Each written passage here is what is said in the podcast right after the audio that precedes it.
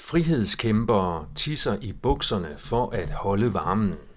Velkommen til Brandgårdavisen nummer 212.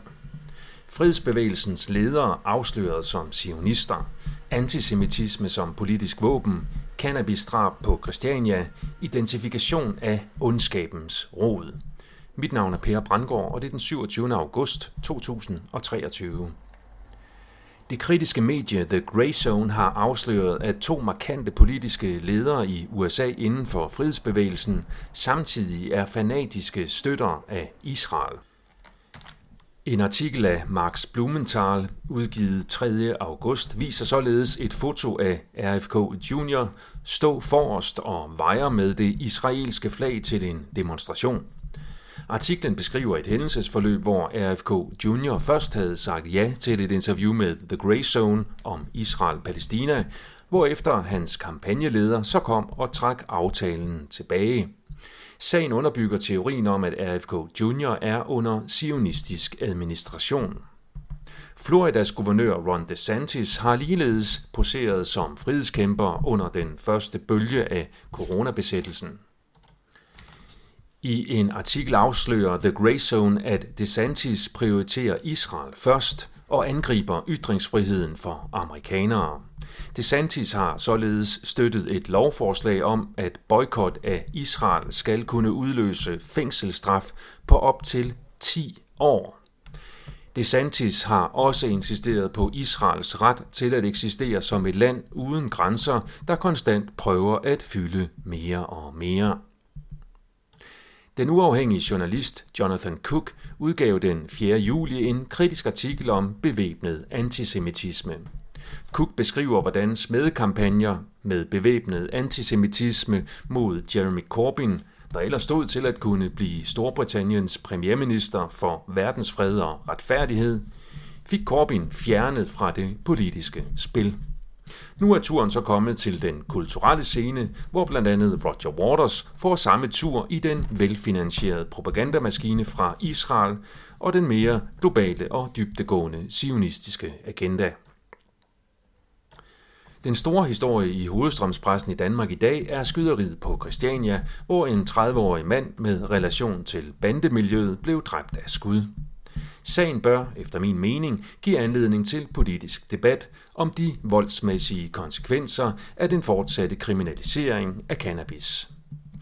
Hvis cannabis blev lovligt, så ville den personfarlige kriminalitet relateret til cannabishandel formentlig forsvinde fuldstændigt. Tyskland har for nylig godkendt lovforslag om legalisering af cannabis, hvilket er et yderligere argument for, at Danmark bør følge trop.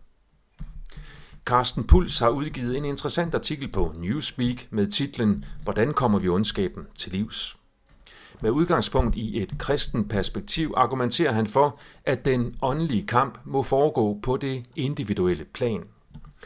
Puls fremhæver de seneste tre års ondskab, og hvordan også Paulus var opmærksom på den organiserede ondskab, da han skrev disse ord i brevet til Efeserne.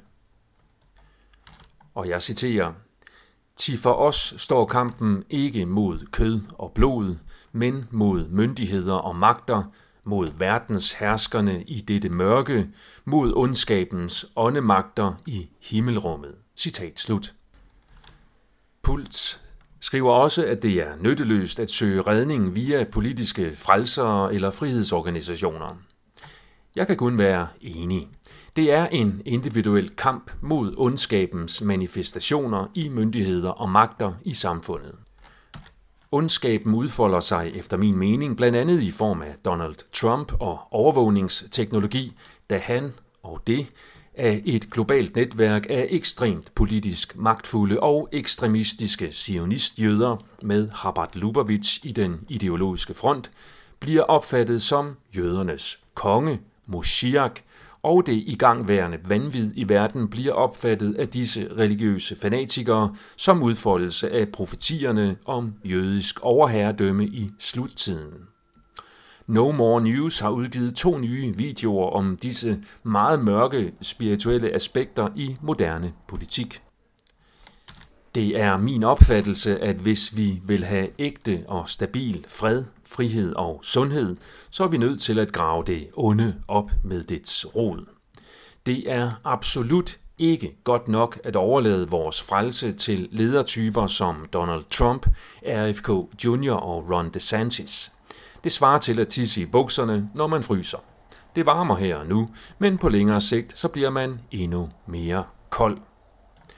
Jeg ved, at mange i frihedsbevægelsen ikke kan eller vil se det dybere mørke og bedrag i øjnene. De vælger i stedet den intellektuelle og åndelige dogenskabs vej og følger de falske frelsere, som vi også har flere lokale varianter af i Danmark. Hvad med dig? Er du klar til den tredje vej?